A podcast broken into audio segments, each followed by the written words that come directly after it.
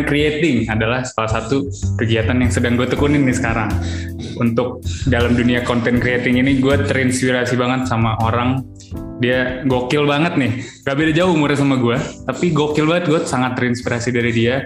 Dia udah berkarya banyak dan dia fokusnya ke fotografi dan videografi. Kita sambut aja nih. Dava Urofi. Bisa akhirnya ketemu ya kan? Akhirnya ketemu gue gue bener-bener terinspirasi banget sama lu men. Kacau sih. Lu salah satu yang membuat inspirasi gue konten creatingnya makin meningkat gitu loh dari segi kualitas dan segalanya lah Oke, emang gue juga suka banget sama konten lu, apalagi yang fun fact arsitektur, gue jadi dapat insight loh. Beberapa apa namanya beberapa unsur di kamar gue itu gue dekor berdasarkan ilmu yang lu kasih di TikTok sih. Gokil, gokil. oh mungkin mungkin buat yang dengerin nih, buat supaya tahu konteks gue kenapa bisa ngobrol sama Rofi, gue kemarin ikutan sebuah workshop yang diinisiasi sama lo ya, yes, ya dan Ko Agus Leo. Namanya Pintu Kreatif. Nah, mungkin buat teman-teman yang belum dengerin atau misalnya bahkan teman-teman yang dengerin nggak kenal Urofi siapa mungkin boleh sharing dikit nih Urofi siapa sih. Kenalin uh, nama gue itu Urofi aslinya itu Dava Urofi. Gue merupakan content creator di fotografi dan videografi. Di sisi lain gue juga sebenarnya mahasiswa mahasiswa jurusan ilmu komunikasi dan gue juga punya production house sendiri bernama Urofilms begitu. Nah itu gue gue bisa nebak tuh lo kampusnya di mana Ketahuan. Kamu di mana? Menurut lu di mana? Menurut lu di mana? Menurut gua di UPN. Yeah. Veteran. Oh iya, lu tahu ya? Tahu. Tahu nggak kenapa gua tahu? Lu, Ada lu temen gue di sana. Bukan. Lu bikin Google apa? Drive, bikin Google Drive itu emailnya email UPN. gue kelihatan ngeliat lu nge-share nge-share Google Drive gue liat wah oh, anjing anak UPN nih oh ya anjing iya, sumpah iya. ketahuan ya sumpah ketahuan gue lagi mau download tuh. Kan lu nge-share drive deh gue mau download. Lah anjing kok emailnya email UPN gitu. Ketahuan.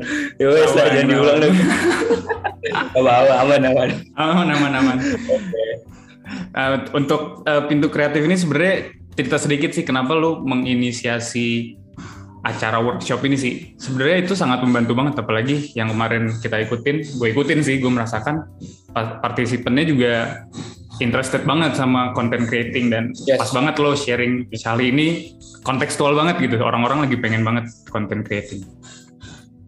Iya, yeah. sebenarnya alasan gue bikin pintu kreatif tuh, uh, gue sempat ada kepikiran lah sama si Ko Agus Leo. Berhubung kita berdua tuh sama-sama konten kreator kan di bidangnya masing-masing, dan kayak mikir tuh kalau misalkan sharing-sharing, terus kayak bikin session yang intens banget ke orang-orang, dan emang bisa kita kasih daging sebanyak-banyaknya, uh, gue gue chat lah si Ko Agus itu, kok bikin kali ya webinar bareng ya. Akhirnya dia langsung benar-benar looking forward banget dan gak lama langsung kita eksekusi tuh mulai dari dari semua apa dari semua unsur langsung disiapin meeting bareng-bareng dan akhirnya jadi tuh. Jadi deh pintu kreatif. Jadi deh, nah, itu juga salah satu trademark lo tuh ya. Jadi deh, gue selalu inget di kepala tau gak kenapa? Gue kan uh, mirip juga ya konten creatingnya kan uh, ada edukasinya juga tapi di bidang arsitektur. Yeah. Kalau gue memberikan sesuatu yang informatif tuh di akhir-akhir tuh gue kadang suka gregetan kayak jadi deh tapi itu punya lo gitu. Kadang-kadang keceplosan aja soalnya kayak udah jadi nih yeah, yeah. bikin gambar ini gambarnya udah jadi nih jadi deh terus kita jadi itu iya, waktu itu pernah kan bikin banget ya. ya pernah pernah. Makanya makanya gue kembangkan sendiri trademark gue makanya jadi fun fact arsitektur di depan soalnya supaya yeah, orang tahu oh arsitektur nih ngomonginnya gitu. Itu gue hmm. itu itu itu menarik banget. Gue gue sangat terinspirasi tau nggak apa kenapa dari lu tuh? Gue pernah join live lo live di hmm. TikTok mungkin lo nggak sadar juga ada gue atau atau pernah ya? Sadar ya? Pokoknya ada uh, beberapa kali lo live yeah. live lo pernah cerita uh, dengan lo membuat uh, eh, PT sendiri di umur 18 sekarang yeah. lo berapa? Sekarang lo berapa? 18 masih. Masih 18 masih 18 sebenarnya kita nggak beda jauh sih gue tiga beda tiga tahun kita. Gue dua satu. Lu tuh dua satu ya? Gue dua satu. Nah itu lo udah lo lo udah gokil banget tuh. Maksudnya gue di umur 18 nih baru masuk kuliah tuh kayak anjing kerjanya cuma mikirin besok makan apa sama nongkrong di mana. Udah itu doang yang gue pikirin. Nongkrong sama sih gue juga masih mikir gitu. Cuman di sisi lain gue iseng ah bikin PTA gitu. Nah itu itu itu gue penasaran tuh. Gue mungkin bisa iya. diobrolin tuh. Kenapa seorang Dava Urofi 18 tahun bisa mikir kayaknya gue bikin PT deh anjing itu kayak nggak nggak kepikiran nggak kepikiran gitu oke okay. ini interesting sih karena emang banyak banget uh, orang ngira anomali banget nih bocah 18 tahun punya PT sendiri yang emang dia tuh sendiri uh, direktur utamanya gitu kan. Dan emang sebenarnya itu semuanya berawal dari gua yang emang uh, pengen banget punya suatu entitas bisnis sih. Dari gua dari gua SD, dari gua SMP itu gue pengen banget kayak uh, punya punya bisnis yang emang gue tuh bisa build empire dari situ. Nah kebetulan di sisi lain gue ngulik banget tuh di videografi, di fotografi dan emang beberapa bulan lalu tuh beberapa tahun lalu tuh gue sering ngulik di komersial videografi juga.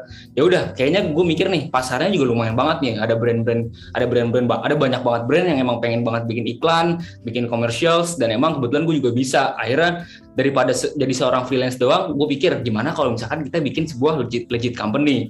Udah jadi kayak gitu, ya udah. Kebetulan juga ada ada salah satu mentor bisnis gue yang emang dia tuh uh, pengen impact banget ke gue dan akhirnya bisa apa namanya gue bisa jadi lebih pede buat ngedecide gue bikin perusahaan sendiri. Dari situ langsung apa namanya semuanya looking good gue langsung urus secara administrasi secara apa namanya secara bisnis collateralsnya semuanya gue set up dan sekarang akhirnya jadi juga tuh gitu. Dan beberapa bulan lah itu dua bulan tuh set up semuanya. Itu itu gokil banget sih men itu itu terjadi yeah, di tahun tahun kemarin 2020 di berarti. bulan oh di 2021 itu? Iya. Baru so, kemarin. soalnya soalnya gue pernah dengerin bocoran di sebuah podcast. Kalau hmm? gaji lo udah pernah mendapat 100 juta pertama ya? Anjay lah. Dibahas lagi. Tapi tapi, ya, tapi maksudnya bukan bukan bukan sebagai pamer tapi itu gokil banget. Maksudnya 18 tahun gitu. Terus gue iya, ngedesain ya, gue ngedesain desain aja belum nggak nyampe 100 juta gitu. ya mungkin berkat TikTok juga kali ya. Ini banget boom banget kan. Jadinya dapat klien juga bener. gampang gitu. Hmm, iya bener bener dan lo ibaratnya tetap paling booming tetap di TikTok ya dibandingin Instagram uh, dan YouTube lagi pengen ngebu lagi ngebangun ke ini ya digital presence yang kayak gimana aktif di TikTok maupun Instagram. Cuman untuk gue gue jujur banget sekarang gue kayak agak males di TikTok. Karena di Instagram sekarang kayak fitur udah kayak fitur dan emang gue bisa literally ngapapun ngapa, ngapain di sana juga. Dan emang secara ah, angka iya, iya. gue juga grow di Instagram gitu kan. TikTok juga ya segitu segitu aja. Karena gue agak males produksi konten yang ibaratnya ini. Cuman ya uh, intinya secara iya, iya. overall gue tetap bikin konten yang sama sih. Konten singkat terus juga ngobrol-ngobrol tentang videografi fotografi gitu. Dan emang gue share di Instagram dan TikTok bersamaan. Oh, oke okay, oke. Gue gue gue sebenarnya salah satu motivasi gue content creating mungkin gue masih hitungannya masih pemula ya masih baru start. Tapi salah satu motivasi gue mungkin sama kayak semua orang lain gitu adalah sharing gitu. Sharing penting banget gak sih? Yes.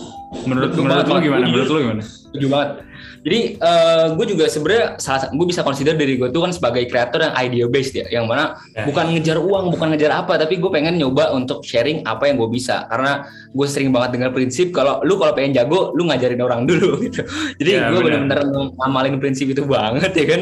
Dan emang gue terapin sih sampai sekarang dan gue pasti terapin sampai seterusnya. Iya ya itu itu benar-benar salah satu motivasi gue banget karena ya berarti willing to give aja kayak gue pengen sharing aja nih. Kalau kalau dulu kan mungkin konteksnya fotografi dan videografi kan. Hmm. Orang-orang ternyata audiensnya banyak loh. Lo lo berapa ternyata. sekarang? Kayak kayak kayak banyak banget tuh ya. Lima ratus ribu ya nyampe? Di TikTok gue lima ratus ribu, di Instagram gue nyar uh, OTW delapan puluh ribu. Itu itu gokil dengan maksudnya nggak nggak cuma sih, maksudnya dengan sharing hal-hal yang lo bisa aja gitu sebenarnya intinya pada iya, dasarnya kan uh, kalau bisa bilang dengan sharing yang nggak gua, gua gua rasa awalnya nggak banyak orang yang suka ternyata rame gitu oh oke okay, oke okay. menarik yeah. menarik itu itu gue juga rasakan sih kalau kalau gue mungkin sebagai sharing juga kalau gue kan tentang arsitektur arsitektur gitu ya hmm. gue mengiranya ah paling nih mahasiswa doang nih yang penasaran nih atau yang demen-demen yeah. arsitek doang nih penasaran oh ternyata orang-orang umum juga penasaran gitu suka, kan? iya iya suka suka tapi itu itu itu itu gue menarik banget. Mungkin nah ngobrolin soal content creating nih. Lo udah punya audience nih. Maksudnya lo uh, udah punya audience sudah punya following terus lo kenapa bisa punya keberanian untuk oh gue manfaatkan nih uh, following yang udah gue punya audience yang gue punya ketika gue bikin PT jadinya sustain gitu. Ketika hmm. gue lo bikin sesuatu sustain gitu kan pasti ada butuh keberanian kalau lo yakin nih kalau ini udah cukup nih audiens gue untuk uh, berbagai kegiatan gue gitu. Hmm, uh, oke. Okay. Itu sebenarnya juga gue sempat ada mikirin kayak gitu sih. Gimana caranya gimana ya kalau gue udah punya audiens bisa gimana maksudnya gimana caranya gue bisa pede dengan punya audiens yang gue punya gue bikin perusahaan sendiri yang emang uh, bidangnya sama dengan orang follow uh, orang-orang audiens gue itu follow gue karena apa. Nah uh, itu itu sebenarnya udah jadi pikiran gue dan emang ya gue mikir sih kalau misalkan apa ya namanya uh, ada ada ada semacam kajian kalau traffic itu bisa dikonvert ke sales. Yang mana itu sebenarnya banyak banget terjadi dan itu bisa banget dilakuin oleh kreator kreator kreator sekarang. Yang mana ya berapapun angka yang kita punya sebenarnya kalau misalnya lu bikin sebuah entitas bisnis gue yakin bisa banget tuh lu convert si traffic ke sales yang uh, ke sales yang bakal ada. Jadi no matter gak ada titik di mana gue jadi pede atau belum pede tapi sebenarnya yang penting sikat aja dulu dan jalani dua-duanya gitu sih. Iya benar banget. Masalahnya kalau punya bisnis sendiri artinya jadi endorsement buat bisnis sendiri itu dia gokil banget. Itu itu dia gue gue salah gitu, satu gue sumpah gue gue salah satu impian gue bisa punya bisnis jadinya gue endorse sendiri gitu. Dan yeah, orang-orang jadinya udah, kan? udah, udah kenal gue siapa karena punya digital presence itu kan benar yep. kan? yes, gokil gokil. Itu itu salah satu impian gue juga pengen pengen banget sih gue. Uh, selain ya alhamdulillah ada beberapa endorse endorsement tapi kalau misalkan nggak ada di TikTok itu belum disediakan platform AdSense untuk di Indonesia kan? Ada hmm. yang kayak creator fund gitu cuma di Indonesia belum bisa kan ya? Belum ada. Belum bisa. Belum ada. Nah nah kalau lo menyikapi itu gimana tuh? Karena gue sendiri mungkin merasakan kalau nggak ada endorsan kayak gue bikin kadang capek juga gitu loh. Maksudnya yeah. usaha gue udah mikir, maksudnya kita tahu kalau nulis dan filming dan editing tuh kesannya remeh capek. tapi capek tapi capek iya benar-benar itu kalau gue sendiri sih uh, mikir gini aja revenue stream itu nggak jangan jangan punya sumber penghasilan cuma dari satu doang. Nah, kalau misalkan seandainya kita cuma bisa dari endorse doang, coba tuh cari cara monetize lain selain dari mungkin creator fund. Tapi bisa lu jual digital product, jual e-course, terus juga lu mungkin jual jasa lu sebagai freelance apa arsitek misalnya kalau konteksnya lu. Dan jujur menurut gua TikTok itu jadiin sebagai lu uh, ngedatengin masa aja. Karena ketika lu udah punya masa, lu ngapain aja itu bisa diduitin kalau menurut gua. Jadi coba uh, temuin cara selain misalkan lu, lu udah punya audiens tuh lu nggak cuma bisa endorse doang tapi temuin hal-hal lain yang bisa mengconvert traffic itu ke sales tadi itu menurut gue bisa sih jadi kayak kita nggak rely sama satu jenis revenue stream begitu itu untuk mengetahui itu udah sangat-sangat teredukasi secara finansial. Lu gokil juga ya berarti iseng-iseng aja lo gue yeah. dari tahu. Nggak nggak lu gokil. Maksudnya di antara kalau gue merefleksikan diri gue 18 tahun gue rada nyesel-nyesel gimana sih? Kayak anjing 18 tahun kerjaan gue cuma nongkrong nongkrong doang, main doang. lo lo merasakan sih waktu juga sih. Karena kalau 2016 ah. pun ibaratnya eh, 2017 tiga tahun lalu ibaratnya lu 18 gue tuh juga masih belum jadi siapa-siapa. Jadi kayak emang timingnya aja nih untuk orang usia berapapun itu bisa aja dia lagi masa jayanya gitu. Menurut gue yeah, gitu. Gue gue percaya punya pace-nya sendiri lah orang-orang lah. Iya betul, setuju. Punya punya pace sendiri. Tapi lo ini gak sih merasakan left out gak sih di antara temen-temen lo? Gue umur 18 tahun gue FOMO sih kalau nggak ikut nongkrong atau apa. Cuma oh. ibaratnya lo kan sangat menghabiskan waktu banget. Gue yakin banget kalau udah digital iya. gini pasti ngabisin waktu. Nah lo merasa left out gak sih kalau ya lo teman-teman pada nongkrong sebenarnya kalau sekarang online juga jadi bingung juga sih tapi kan ada yeah. ketinggalannya lah gitu uh, kalau gue sih uh, jujur ini pandemi ini banget ya apa namanya menurut gue di sisi di sisi konteks itu itu cukup bagus untuk gue nggak terlalu banyak nongkrong karena kan orang yeah. nongkrongan juga kayak teman-teman gue pada jarang nongkrong juga sekarang yeah, yeah. mereka jadi kayak lagi pada uh, working on themselves juga dan emang teman-teman gue juga rata-rata emang dia uh, apa ya suka nongkrong cuman kalau lagi pandemi gini jarang nongkrong ya, jadi makanya kalau misalnya seandainya nggak pandemi juga mungkin gue agak sedikit kesulitan nih. Kayak anjir gue FOMO juga nih tetap kayak kayak lu juga mungkin dulu. Dan iya, emang iya. ya kalau misalkan itu terjadi ya gue coba balance aja sih. Bahwa uh, eh, work life balance lah jatuhnya. Ketika lu kerja ya lu tetap harus uh, bergaul dengan lingkungan sekitar lu. Mulai dari keluarga cewek teman-teman lu juga. Jadi coba di balance aja tuh. Mau pandemi mau enggak gitu. Nah itu ngomongin soal work life balance lu gimana tuh? Kayak lu kalau 18 tahun baru maba ya berarti ya? Maba gue uh, semester 3 Semester 3 sekarang, semester 3 sekarang. Ya, ya benar. Nah lu menyimbangkan itu gimana tuh? Soalnya kayak lu constant upload terus gue Kalau misalnya tuh, wah kayak selalu ada nih orang. Uh, Oke. Okay. Kalau gue bisa bilang sih, tadi gue bilang uh, work life balance gitu-gitu, gue sendiri masih sukses sebenarnya. Karena uh, berarti gue kan berkarir juga masih ibaratnya yang intens itu satu tahun kan, dan emang uh, ya kalau work life balance yang gua, yang gue makna itu sebenarnya sesimpel lagi kerja coba luangkan waktu ke orang-orang sekitar. Udah sesimpel itu aja sih. Dan itu menurut gue cukup matters juga. Dan emang ya kenapa gue bisa bilang sucks? Karena sebenarnya masih banyak lagi cara-cara lain yang bisa kita tuh bisa ngebalance lebih baik lebih bagus lagi dibanding kayak gue yang kadang-kadang masih kelewatan juga kerja sampai malam banget terus juga uh, bangun siang terus juga kadang seharian gak interaksi sama keluarga sama sekali gitu-gitu. Kan itu nggak bagus juga kan. Jadi emang gue juga lagi figure out juga nih gimana caranya nemuin uh, work life balance yang bagus juga buat gue selama pandemi ini menguntungkan lah ya secara kerjaan di produktivitas semuanya ya. jadi ya, jadi iya. nambah ya jadi nambah ya?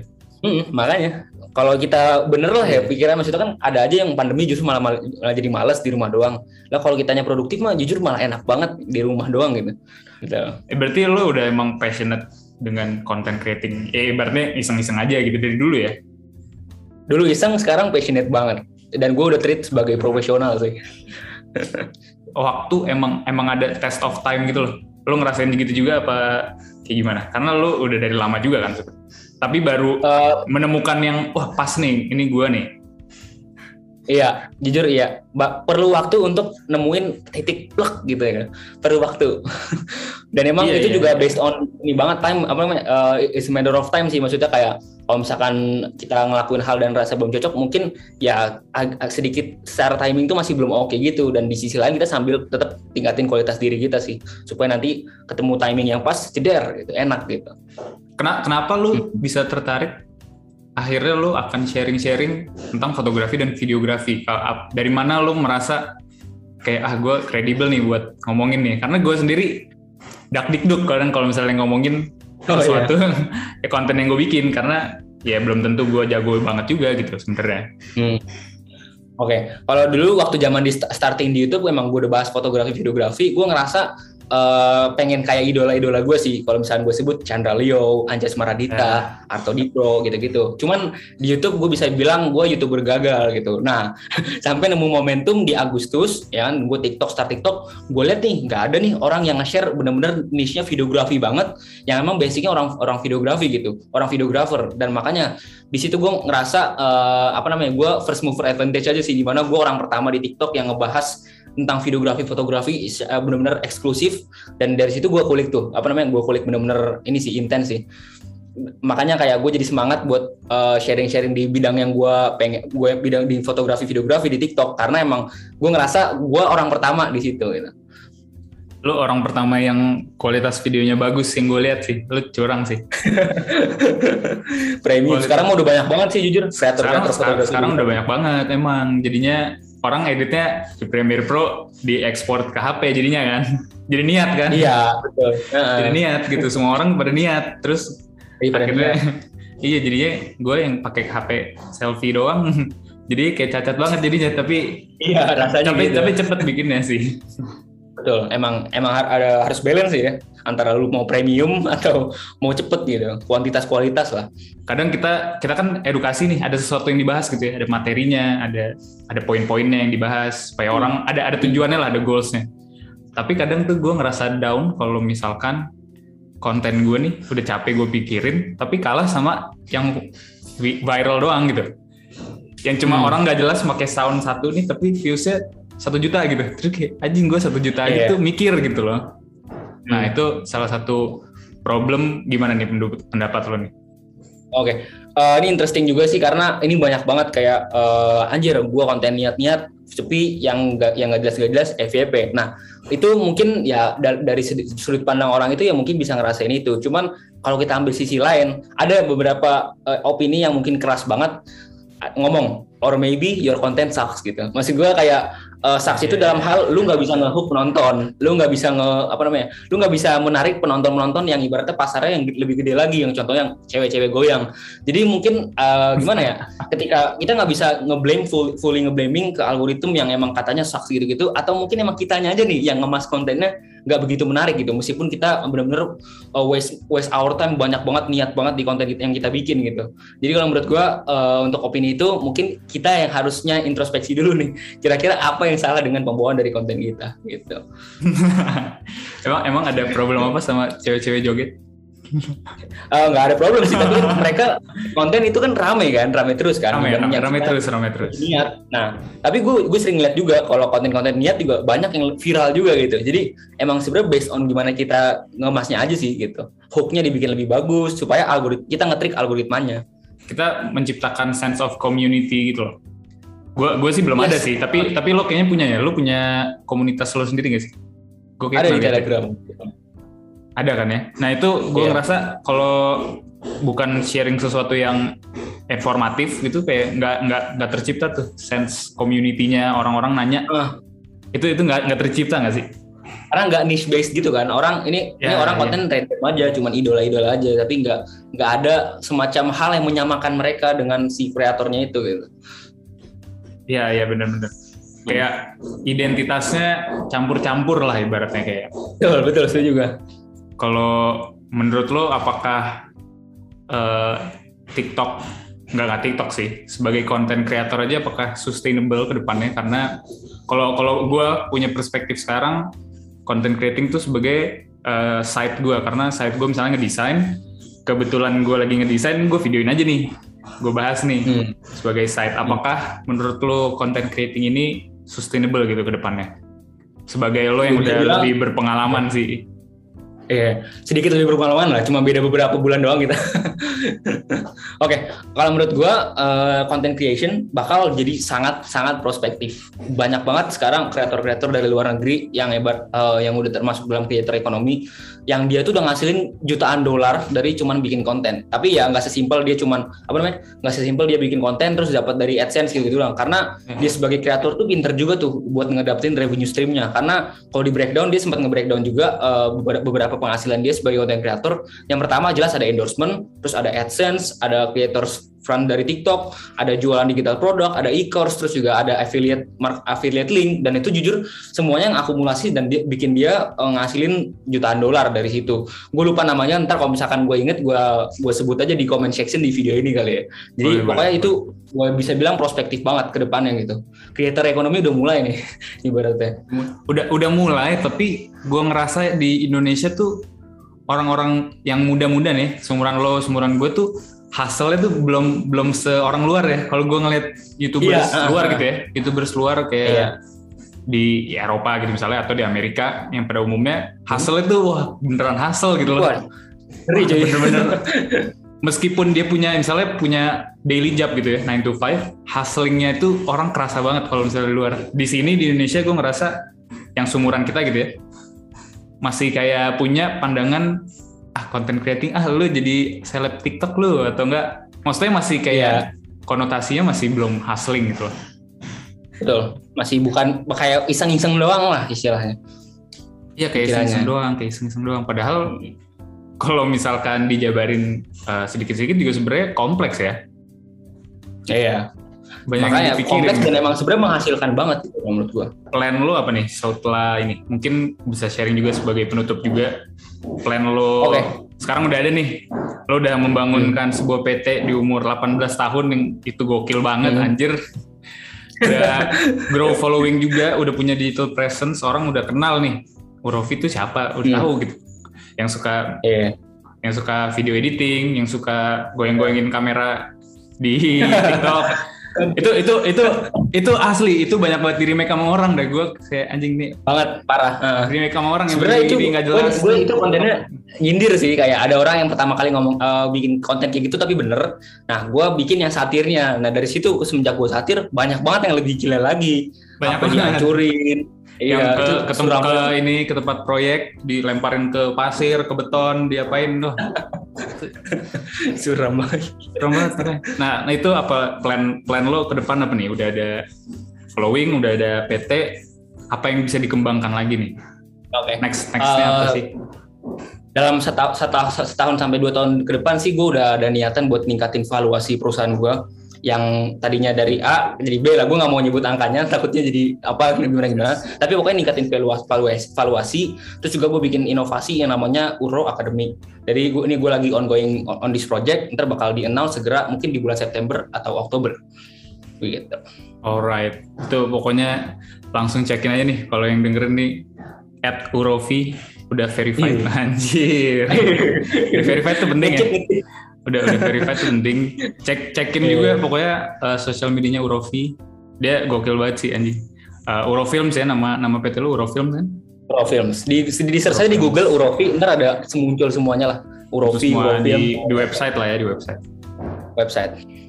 Itu itu gokil banget. Thank you thank you banget sih Vi udah sharing sharing banget nih. Emang banyak banget insight-insightnya nih. Gue bisa belajar banyak banget dari ngobrol-ngobrol kita barusan sih. Oke, inspirasi, okay. inspirasi banget. lu konten-konten lu.